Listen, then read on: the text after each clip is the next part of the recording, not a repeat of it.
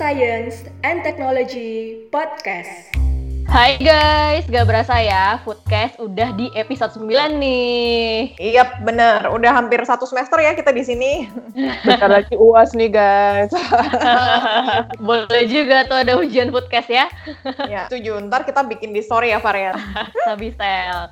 Nah, uh, di episode kali ini kita mau balik lagi nih menangkal hoax kayak di episode 1 sama 2. Tapi hoaxnya bukan tentang corona dong. Hoaxnya adalah hoax atau gosip yang beredar di grup WhatsApp emak-emak tapi tentu aja gosipnya berhubungan sama makanan dan masak-masak ya guys. Ya kali hoax politik ya kan. Oke, okay, jadi boleh banget ya Moms, silakan disimak dengan baik topik kali ini. Siap Bunda. Baik Bun. Oke, okay, style trigger statement nggak? Pasti dong trigger statement. Karena trigger statement kali ini walaupun cuma satu, tapi gue gemes banget guys. Hmm, gemes banget nih. gimana, gimana, gimana? Iya, jadi statementnya adalah makanan tidak boleh dipanaskan secara berulang.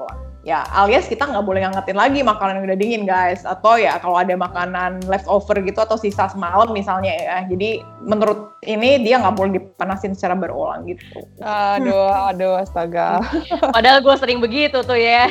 Iya, udah jadi kebiasaan ya kayaknya, Far. Asli ya, kasih tahu dong guys, itu trigger statement dapat dari mana? Ya, jadi ini sebenarnya video gitu di YouTube, terus ada yang nyeberin di link grup WhatsApp keluarga kayak sepupu mm -hmm. gue gitu lah. Terus gue coba lihat videonya, ya sepupu gue nanya ini bener nggak, Ren? Gue uh, bingung deh, kayaknya ada yang salah di sini, tapi gue nggak tahu apa gitu kata sepupu gue kan. Jadi mm. gue lihat deh uh, video itu dan gue terkaget-kaget. Nah, mungkin gue kasih sedikit deh nih cuplikannya. Gue puter bentar ya, coba dengerin. But kuncinya, zatnya atau nutrisinya akan berubah kalau kita panasinnya salah atau makanannya salah panasin, itu akan menjadi racun Racunnya nggak tanggung-tanggung. Karsinogen atau ibaratnya sel-sel yang rusak, zat-zat yang rusak itu menjadi racun. Racunnya bisa mengakibatkan kita makan kanker. Bayam itu karena mengandung banyak zat besi. Nitrat, jadi kalau waktu bayam itu zat besinya tinggi, waktu kita panasin itu berubah dia punya nit nitratnya menjadi nitrate, nitrate menjadi nitrit. Nah, nitrit itu akan menjadi memproduksikan karsinogen, yaitu sel kanker. Nah, lobak paling baik pun harus dimakannya setengah matang atau mentah.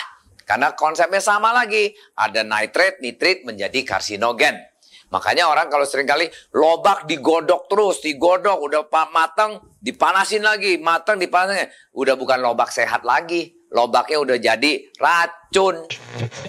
Nah, kalau telur dipanasin terus-terus, apalagi kita makan sering makan telur rebus, yang kuningnya itu udah jadi hitam-hitam. Itu rebusnya kelamaan banget. Terlalu mateng. Nah, itu kuning-kuning hitam itu, selain dia tinggi kolesterolnya jelek, menjadikan uh, kanker juga, itu karsinogennya. Udah ya, panjang videonya, jadi tuh cuplikannya doang. Ya, kira-kira ringkasannya gini tuh. Pertama, ada 10 macam sayur dan makanan yang tidak direkomendasikan untuk dipanaskan ulang. Nah, ini nanti makanannya kita jabarin ya, ada apa aja. Terus, okay. yang kedua, kita kalau mau makan terus masak harus dihabisin gitu langsung, jadi nggak dipanasin lagi gitu. Ya, hmm. menurut lo gimana? Bisa nggak diaplikasiin di hidup lo? Terus nih yang ketiga, lebih baik makan makanan yang mentah gitu daripada yang masak. Nah, ini mematik pertanyaan sekali kan Bunda? Nanti kita bahas juga ya. Terus terakhir, hmm makanan jangan dipanasin berulang-ulang. Kalau dipanaskan pun ya steam aja satu kali. Gitu sih kurang lebih isi ringkasan videonya di YouTube nih. Hmm. Oke. Okay. Dan ini video yang yang ini video tuh yang nonton udah banyak ya. Kayak likes-nya juga banyak gitu ya Ren ya. Iya, sedih banget tau gak sih? Gue sedih liatnya gitu. Bukan gue iri gitu ya sama keberhasilannya ya. Cuman uh, uh, yang udah nonton gue liat tuh 134 ribuan orang di like sama lima ribuan orang berapa gitu kan terus ya gue hmm. nambahin lah jumlah dislike itu karena yang nggak suka videonya cuma 153 orang guys jangan mengerti kalau itu nggak benar gitu kan bagus bagus bagus bagus bagus bagus mantap banget Ren Nah, coba yuk eh, kita kulik lagi nih ringkasan dari video yang udah disampaikan Irena tadi. Yang pertama ada apa aja guys? Oke, jadi yang pertama yang tadi disampaikan Irena ya. Jadi di video itu disebutin Far kalau makanan itu berubah ketika dipanaskan dengan tidak tepat. Di antaranya yang pertama nih, katanya zat-zat makanan menjadi racun. Jadi kalau makanan dipanaskan, jadi sel-sel makanan itu jadi rusak dan membuat kita makan kanker gitu sih dibilang kayak. Aku juga bingung. terus terus. Ya, yang kedua katanya nutrisinya juga berubah. Terus yang ketiga daging, ikan dan lain-lain makanan yang cara masaknya itu kayak dibakar, grill atau barbecue gitu kalau sampai ada bagian yang gosong hitam. Nah, bagian yang hitam itu adalah sel makanan yang rusak atau busuk dan itu jadi sel kanker gitu. Jadi klaimnya dia itu jangan makan porsi bagian hitam karena sel-selnya jadi rusak terus bisa jadi kanker gitu. Nah, gimana sih Ran faktanya sebenarnya? Ya, menarik ya nih yang dipaparin pertama. Jadi sebenarnya nutrisi dalam makanan memang berubah akibat pengolahan gitu kan. Di ada beberapa zat nutrisi yang akan menurun kuantitasnya itu pasti kayak vitamin karena kan rentan panas gitu. Tapi ada juga beberapa zat makanan atau zat nutrisi lainnya yang malah jadi bisa dicerna oleh tubuh, jadi lebih bermanfaat kalau udah diolah termasuk jika dipanaskan. Misalnya ada beberapa asam-asam amino, penyusun protein di telur yang mentah atau daging yang mentah, itu justru dapat digunakan oleh tubuh kita setelah mengalami denaturasi alias uh, setelah dimasak atau dipanaskan atau pengolahan lainnya gitu kan, nggak terbatas sama pemanasan. Iya, gue sih bilang uh, sebenarnya memang nutrisinya berubah, cuman nggak akhirnya nggak ber- selalu berakhir sangat buruk gitu.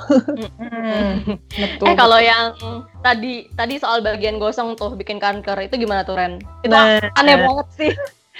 Agak aneh sih ya statementnya, gue nggak tahu si bapak teh eh, belajar dari mana gitu dengernya kan. Gini loh, sel kanker itu nggak bisa terjadi dalam bahan makanan kita yang mati itu guys. Jadi eh, nggak ada tuh istilahnya kita makan sel kanker.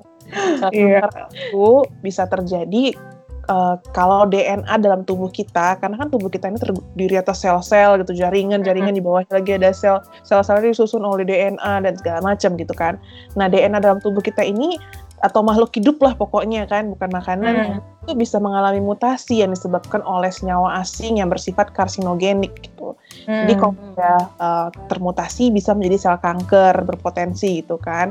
Jadi karsinogenik itu adalah zat yang dapat memicu pertumbuhan sel kanker gitu intinya. Nah, tapi apakah zat karsinogenik itu bisa datang dari makanan? Ya, bisa ada potensinya. Misalnya kayak si bapak contoh yang disebut itu uh, sama Stella tadi, daging atau ikan yang dibakar atau digrill barbeque ya pokoknya pengolahan makanan yang apinya langsung kena ke makanannya sehingga ada gosong-gosongnya gitu kan yang nikmat aromanya. Uh, pemanasan dengan cara kayak gini tuh bisa menyebabkan meningkatnya senyawa kontaminan yang disebut polycyclic aromatic hydrocarbons atau sering orang bilang PHA gitu kan PSH Um, jadi senyawa ini salah satu yang bikin uh, aroma itu atau aroma daging atau ikan kalau kita lagi bakar-bakar tuh jadi wangi gitu kan. Karena Hmm. senyawa aromatic hydrocarbons itu tuh aromanya mantep gitu. Tapi memang ada 13 jenis PHA ini uh, punya potensi karsinogenik dalam tubuh, terutama kalau jumlahnya tinggi. Jadi gitu. Tapi Ren, eh, emang makanan yang di grill gitu-gitu cuman jadi sumber satu-satunya zat yang berpotensi karsinogenik gitu ya? Enggak dong tentunya. Kalau dari eh, yang bukan makanan nih ya, malah banyak dari asap rokok misalnya gitu. Kalau bicara non makanan. Kalau Hmm. untuk makanan, justru menurut data EFSA di Eropa, malah paparan pH ini lebih tinggi dari makanan serealia gitu.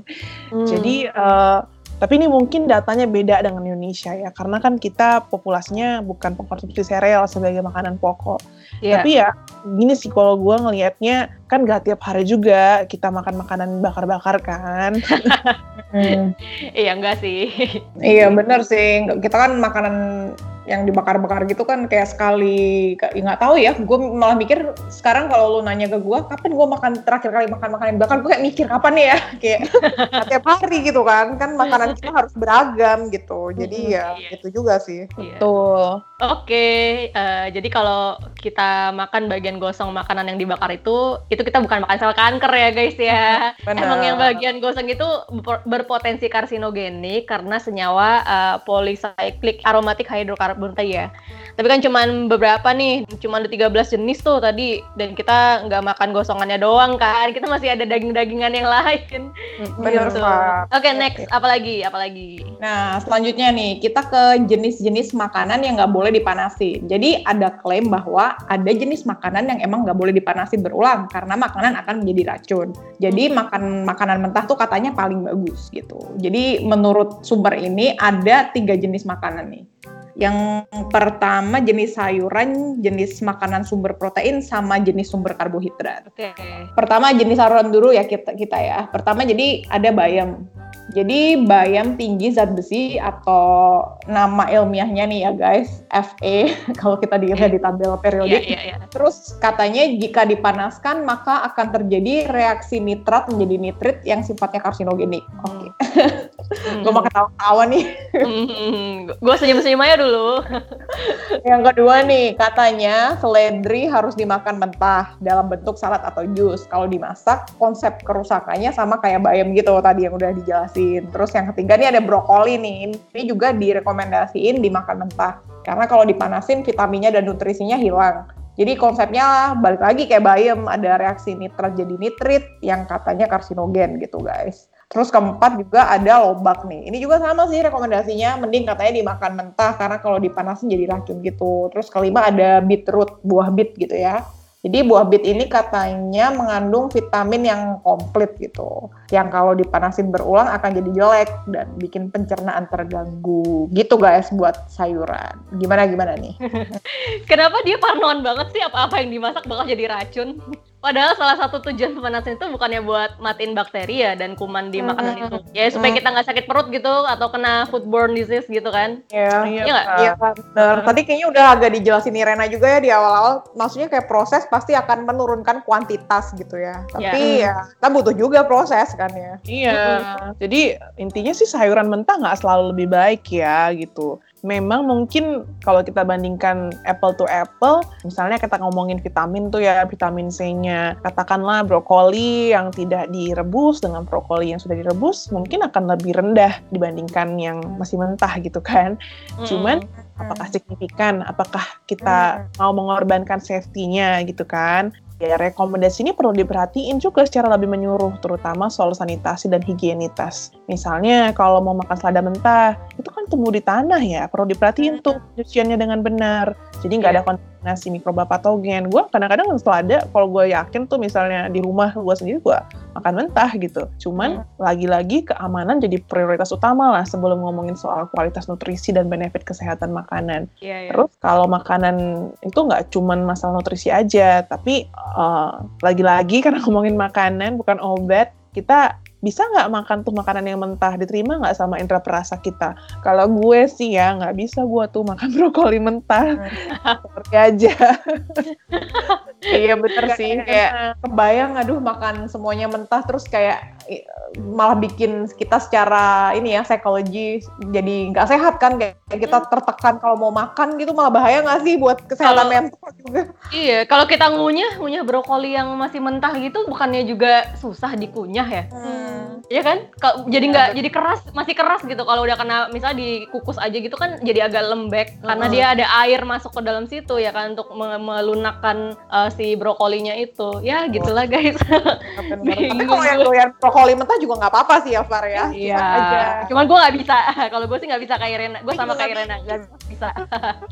Iya, harus inilah eh, perhatiin kebersihannya kalau lo mau makan mentah. Oh enggak. Benar benar benar. Nah next nih Ren. Kalau yang nitrat jadi nitrit tuh gimana Ren?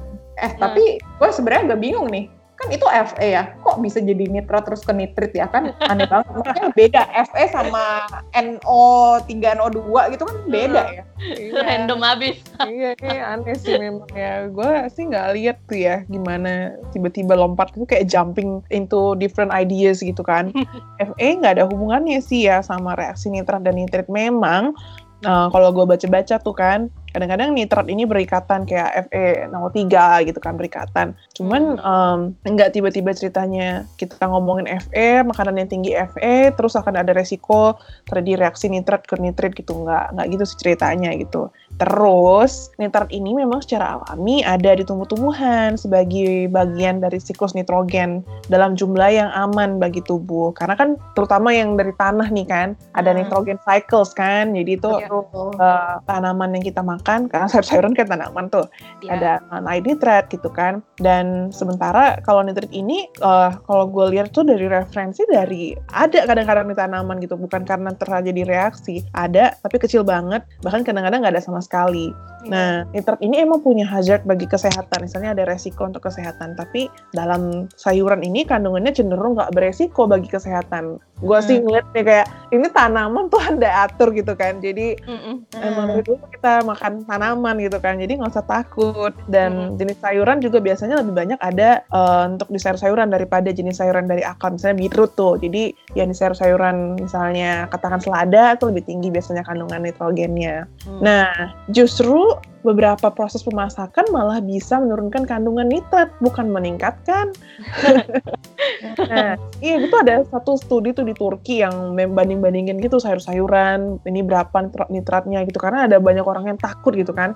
Iya. Dan memang sih ada gitu proses seperti misalnya penggorengan gitu, bayam digoreng lebih tinggi kandungan nitratnya dibandingkan eh, misalnya yang dikukus gitu. Cuman bukan berarti nggak boleh dipanasin gitu loh. Hmm. sayuran yang digoreng itu kandungan nitratnya lebih lebih tinggi gitu. Iya, untuk dia kemarin tuh contohnya sih eh, bayam ya, nggak dia nggak uji semua sayur, jadi kita nggak bisa klaim juga untuk semua sayur. Hmm. Ya, tapi termasuk kol goreng ya, padahal kol goreng gue juga suka kalau goreng gue sih, ah, kalau gue nggak makan tiap hari, gue nggak peduli lah. Iya. Iya.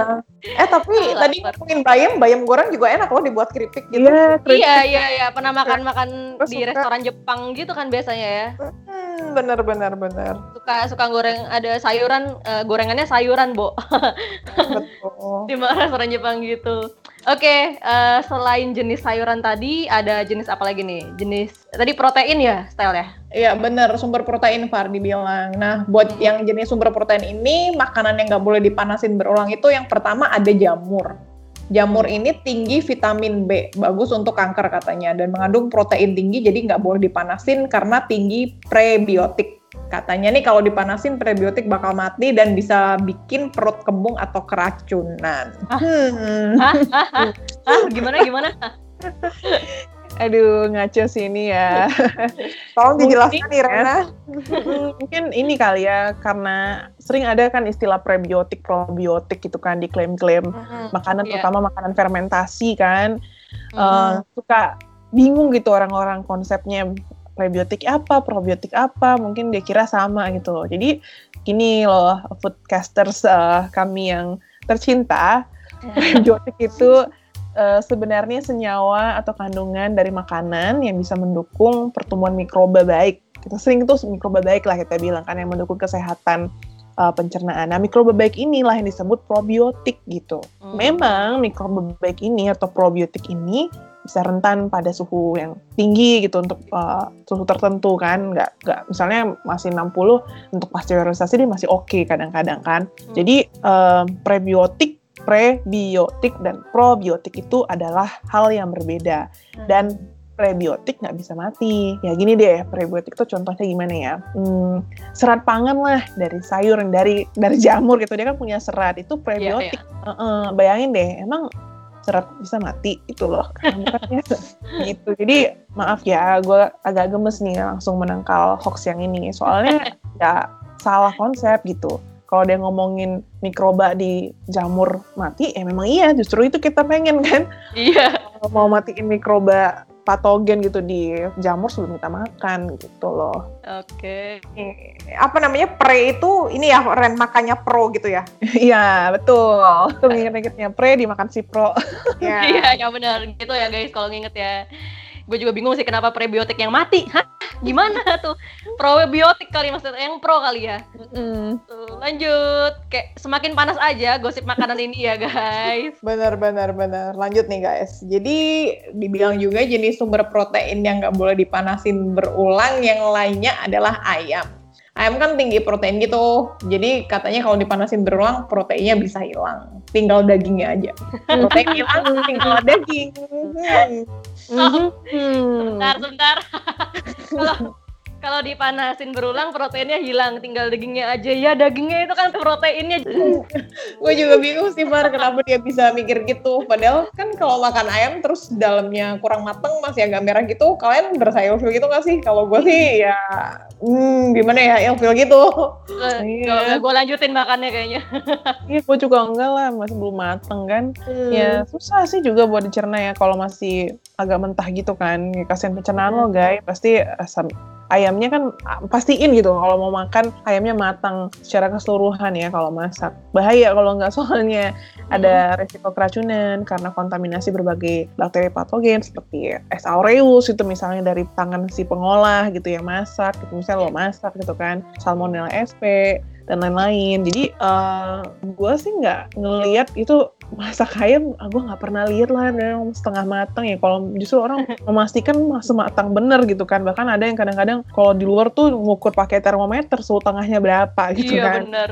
Untuk mastiin itu dia matang sempurna ayamnya. Memang sih idealnya kalau kita masak itu sekali masak langsung habis. Tapi nih ya, kalau lu, gue sih ya di tengah kesibukan lo, apa bisa begitu terus? Ya kalau bisa sih monggo gitu. Nggak nggak ada panas-panasin makanan lagi gitu. Itu ideal Hmm. sih gitu. Cuman Hmm. uh, kalau menurut gue sih, kalau gue gitu nggak sempat gitu kan terus-terusan begitu. Uh, masak sekali, misalnya mau makan siang gue masak, makan pagi gue masak, makan malam gue masak, gue nggak sempet gitu. Jadi ya Betul. kali masak, gue simpen misalnya di refri, terus nanti gue panasin. Ya nggak apa-apa. Uh, Lagi-lagi akan ada penurunan penurunan nutrisi, misalnya vitaminnya yang rentan yang rentan panas. Tapi nggak berarti itu makanan jadi sia-sia zero nutrition atau berubah jadi racun gitu. Kalau gue sih ya daripada kebuang gitu makanannya, misalnya gue nyisain makanan jadi food waste, ya gue panasin lagi lah supaya bisa dimakan lagi. Dan sekali lagi gue tekankan itu penting banget, make sure the chicken is well done. Ya betul. Pastiin juga panasnya sampai ke bagian dalam ya, biar ayamnya mateng Hmm. gitu. Terus eh, ada apa lagi? Style. Ada satu Iya. lagi deh kategorinya tadi ya. Iya. Eh eh, makanan ya. Masih- Menarik nih Mar, karena gue suka banget nih yang kategori yang ini, jenis Apa makanan tuh? ini. Apa-apa? Jadi ada telur. Oh. protein hewani termurah untuk anak kosan deh kayaknya. iya, Favorit Ya, gue hewani loh kan. gampang dimasak lagi. iya gampang Iya, bener. kan. Terus gampang nyarinya juga kan, nggak Iya, susah bener. belanjanya. Nah, telur kan katanya tinggi protein gitu. Nah, dia bilang nih kalau dipanasin lama-lama jadi kuning-kuning hitam. Hmm.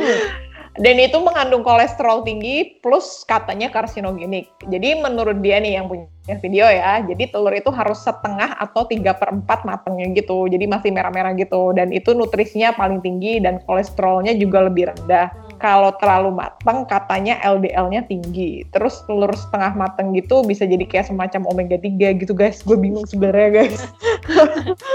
Tunggu, tunggu deh. Kayaknya ini harus dipisahin ya kan. Telur kan ada dua bagian tuh, putih sama kuning.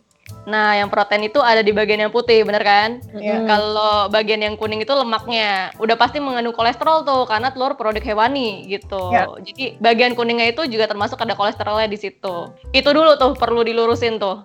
Jadi Hmm. nggak apa-apa banget dong ya kalau di kalau lo rebus telur nih misalnya, terus lo makan bagian putihnya, proteinnya kan tetap ada dengan bentuk yang lebih solid gitu kan. Hmm. Uh, and that's normal gitu. Sama aja kayak lo makan telur balado atau telur gudeg itu malah udah direbus dulu telurnya, terus dimasak lagi bareng bumbunya, ya nggak? Dan malah jadi enak kan? Iya nggak sih? Gitu kan? Benar-benar. Eh, ngomong ya, emang iya ya jadi kuning-kuning hitam gitu kok. Kayaknya perasaan kalau masak telur nggak ada gitu ah. Tetap kuning aja. Di kalian gimana? gue sih juga Iya, karena gitu. karena gue me- melihat waktu gue memasaknya ya gitu oh udah 10 menit oke diangkat gitu gitu Nggak ada nggak ada kuning-kuning hitam gitu kan? Gosong telurnya.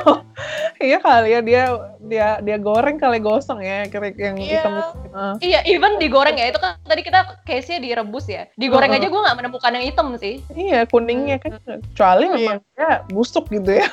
Iya. An- aneh banget juga tadi bilang katanya proses pemanasan bisa jadi menghasilkan kolesterol padahal kolesterolnya udah di situ ya Iya, udah. Tadi Eh, gue udah bilang, udah pasti mengandung kolesterol karena produk, Hmm. produk hewani. Iya. Udah pasti ada di situ gitu. Iya sih ini yang paling sering ya disebut-sebut uh, kolesterol tuh jadi kayak kesannya jahat gitu kan. Seolah-olah nggak normal gitu ada di makanan. Gimana ya guys ya kalau masih mau memutuskan makan produk hewani, kolesterol pasti ada. Kecuali Iya. lu memutuskan vegan ya, lu bebas kolesterol tuh. Iya. Ya, pasti dihasilkan oleh tubuh lo, cuman pasti kan ada prekursor-prekursor lainnya kan. Mm-mm. Itu keputusan tangan lo gitu kan. Cuman produk hewani, uh, makanan hewani pasti ada kolesterolnya. Tergantung seberapa banyak lo makan, seberapa banyak yang lo dapat nanti kolesterolnya. Lagian nih ya, dia nyebutin tentang rebus telur itu berbahaya gitu. Jadi gini, sebenarnya lagian telur mentah itu justru beresiko terkontaminasi salmonella SP loh guys kalau misalnya nggak direbus dengan benar gitu. Bahaya buat kesehatan. Kalau lo baca di Ah. Bepom, salmonella SP itu nggak diizinkan tuh ada satu gitu pun satu misalnya gitu kan bakteri Mm-mm. nggak boleh kelihatan gitu nggak boleh Iya, ada betul. salmonella SP karena sangat beresiko bagi kesehatan bisa keracunan. Untuk mencegah ini harus di ini karena dia si salmonella ini nggak tahan panas guys. Jadi salah satu-satunya cara adalah memastikan telur lo tuh matang sempurna. Iya. Kalau gue tahu sih ada orang yang preferensinya agak setengah matang, ada yang minum jamu yang telurnya mentah gitu kan. Itu beresiko sebenarnya. Gue nggak tahu apakah kadang-kadang orang yang lewat aja gitu karena memang sistem perencanaannya yang super strong katanya denger-dengar orang Indonesia kan Iya. Cuma itu beresiko. Nah, kalau soal kolesterol dan LDL nih ya, kayak kata Farisa tadi ya, telur itu sama Stella juga eh, emang dasarnya sudah mengandung kolesterol dan memasak telur itu nggak bikin kolesterolnya meningkat atau menurun gitu ya. Udah di situ kolesterolnya.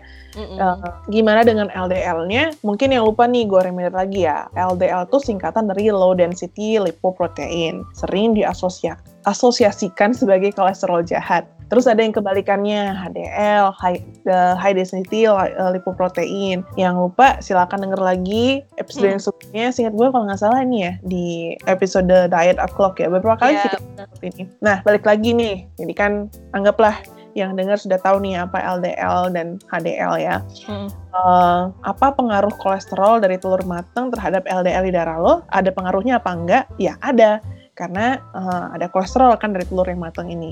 Tapi ada juga pengaruh dari lemak hewani lainnya yang lo makan eh, sebelumnya dalam diet lo. Jadi bukan salah telurnya. Kalau lo makan misalnya 5 sekali makan ya bisa jadi LDL lo jadi tinggi banget gitu kan. Jadi jangan salahkan telur rebusnya guys, kasihan. Iya. Kayak disalahin makanannya lagi, Uh-uh. gorengan lagi disalahin ya Ya. kan. Eh, Makanannya nggak salah sama sekali. Lo aja makan kebanyakan. Hmm, Jadi ada pengaruhnya memang ada. Cuman Iya. Balik lagi apakah lo makan sumber eh, lemak hewani lainnya atau berapa banyak jumlah telurnya gitu sih Iya, bener. Balik lagi ya, kuantitas ya guys ya penting. Be mindful. Jadi ini clear ya soal telur nih. Udah paket lengkap dijelasin Irena tadi. Nah, lanjut nih ke jenis karbohidrat ya. Yang Hmm. pertama nih ada kentang nih. Katanya itu kentang mengandung vitamin B6, kalium, vitamin C. Nah, kalau direbus ulang, contohnya di pedagang siomay. Hmm, siapa yang nggak suka siomay sih guys? Gue suka banget. Hmm, apalagi Nah, kolnya. Kol Kol. lagi. Tadi kol Ih. goreng gue. Sekarang kol somai. Farisa makanan kesukaannya sayuran kesukaannya adalah kol iya, emang. Ketahuan ya, Bo. Oke, oke, lanjut, Sel.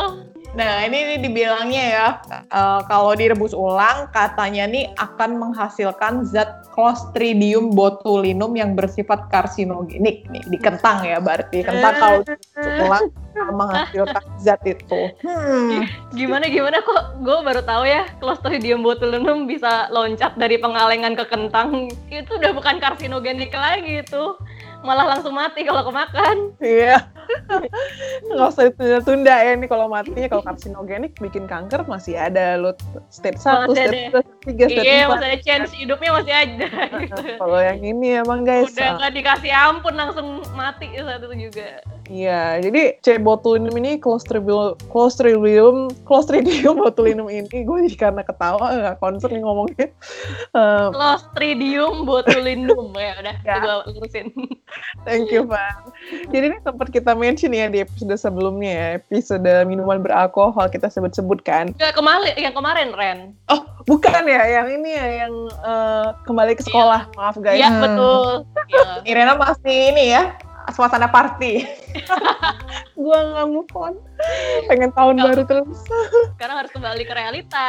Nah, realitanya adalah kita ngomongin Clostridium botulinum. Jadi ini bukan, Baik. bukan zat gitu ya. Dan nggak ada hubungannya langsung dengan kanker guys. Jadi C botulinum ini, si botulinum ini kita sering panggilnya gitu kan. Ini bakteri tahan panas yang bisa menghasilkan spora beracun yang tahan panas juga dan menyebabkan botulisme namanya. Jadi kayak bisa menyebabkan kematian kayak kata Farisa, nggak nunggu lama-lama kayak kanker. Karena dia bisa langsung menyerang saraf manusia. Terus, kenapa tadi Farisa bilang pengalengan? Soalnya bakteri ini biasanya muncul di jenis makanan yang nggak proper pengalengannya. Ya, kalau lo makan kanteng, eh, kentang kaleng ya, which is yang gue kayaknya nggak pernah dengar gitu, produk jenis begitu, bisa jadi ada potensi pencemaran C botulinum ini. Misal, kalau proses pengalengannya nggak sempurna, atau sewaktu distribusi atau penyimpanan, kalengnya penyok tuh. Nah, bisa jadi, ya tapi eh, di kentangnya abang siomay tersayang kami ini yang suka siomay bukan begini atuh kasusnya jadi kasihin amat sih abang siomay yang disalahin Iya, jadi cerita jangan ya. jangan eh, apa jangan takut beli yang- terus makan kentangnya. Itu nggak ada clostridium botulinumnya. Hmm. Kecuali kentangnya kentang kalengan kali ya. Nah, ada tuh ya. Oke, Baru mantap, denger. mantap. Baru denger gue kentang kaleng. Iya, itu gua juga. Oke, mantap. Next style. Apa Iya, gini? iya. Yang terakhir ya guys ya. Oke, Terakhir- baik. Terakhir ya. Terakhir Oke. nih favorit eh, kita semua nih dan kita pasti makan kalau tinggal di Indo nih. Jadi nasi. Baik. Gak makan kalau nggak nasi. Iya, benar benar benar. Semuanya tambahin nasi dah pokoknya sekarang. Iya, makan mie instan pakai nasi gitu kan. Iya, benar benar. Nah, katanya kalau kita makan nasi yang dipanasin ulang nih, kita bisa kena kencing manis katanya karena karbohidrat yang dipanaskan itu menjadi racun. menarik Iya, menarik nih. Terus gue lanjutin nih. Nah, terus nasi ini katanya banyak sporanya dan nggak disebutin juga ini sporanya jenis apa. Tapi intinya nasinya tuh cukup ditutup aja supaya nggak ada sporanya. Bahkan kalau perlu di steam aja selama 5-10 menit. Pokoknya ya guys, nasi yang dipanasi berulang itu jadi racun aja, titik gitu. Katanya begitu. Hmm. ya gue curiga ya apa bener ya di rumah bapak narasumber ini yang punya YouTube channel ini nggak pernah pakai program penghangat di rice cooker gitu ya misalnya?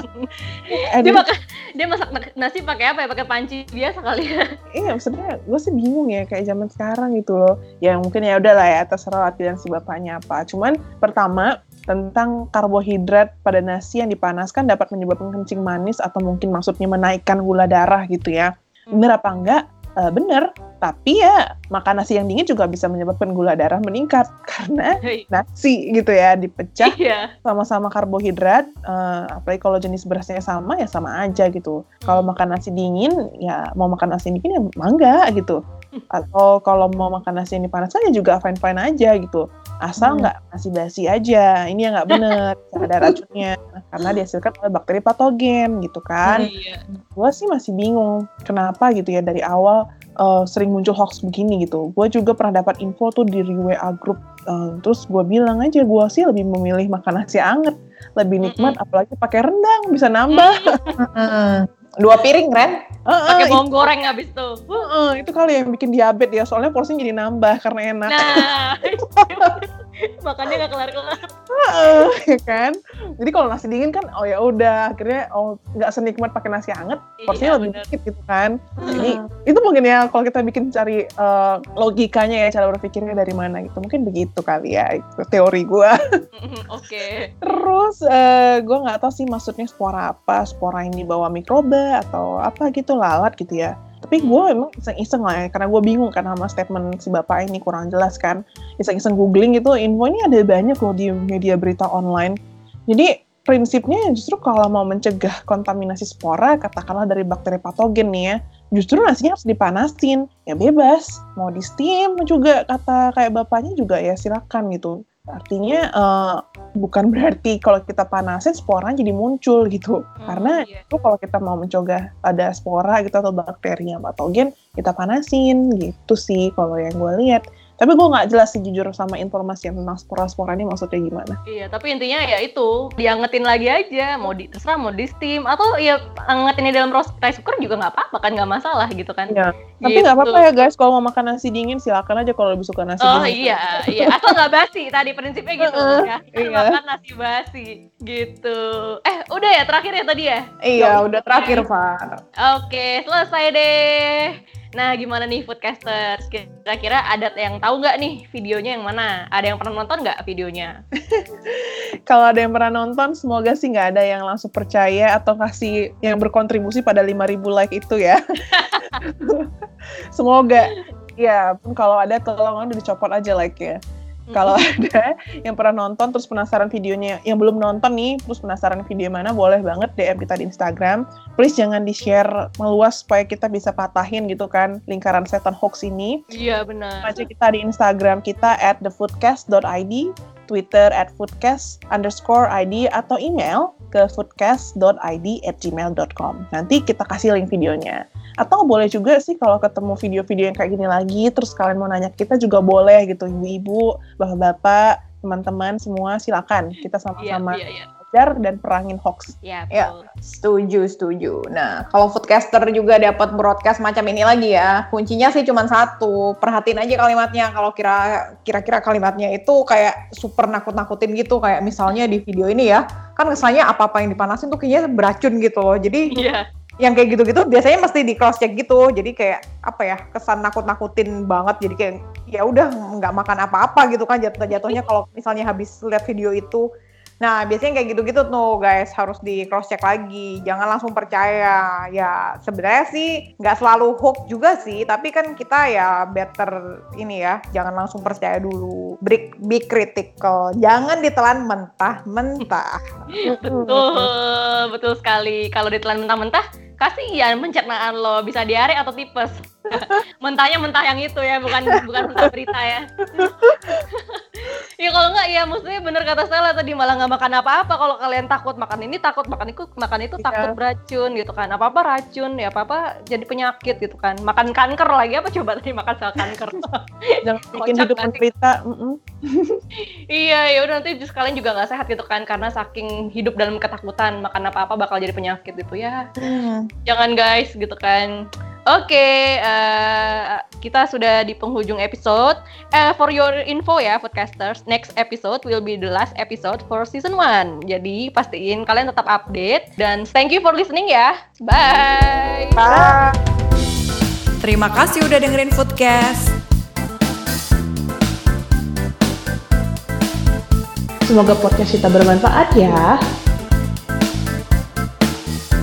Sampai jumpa di episode selanjutnya.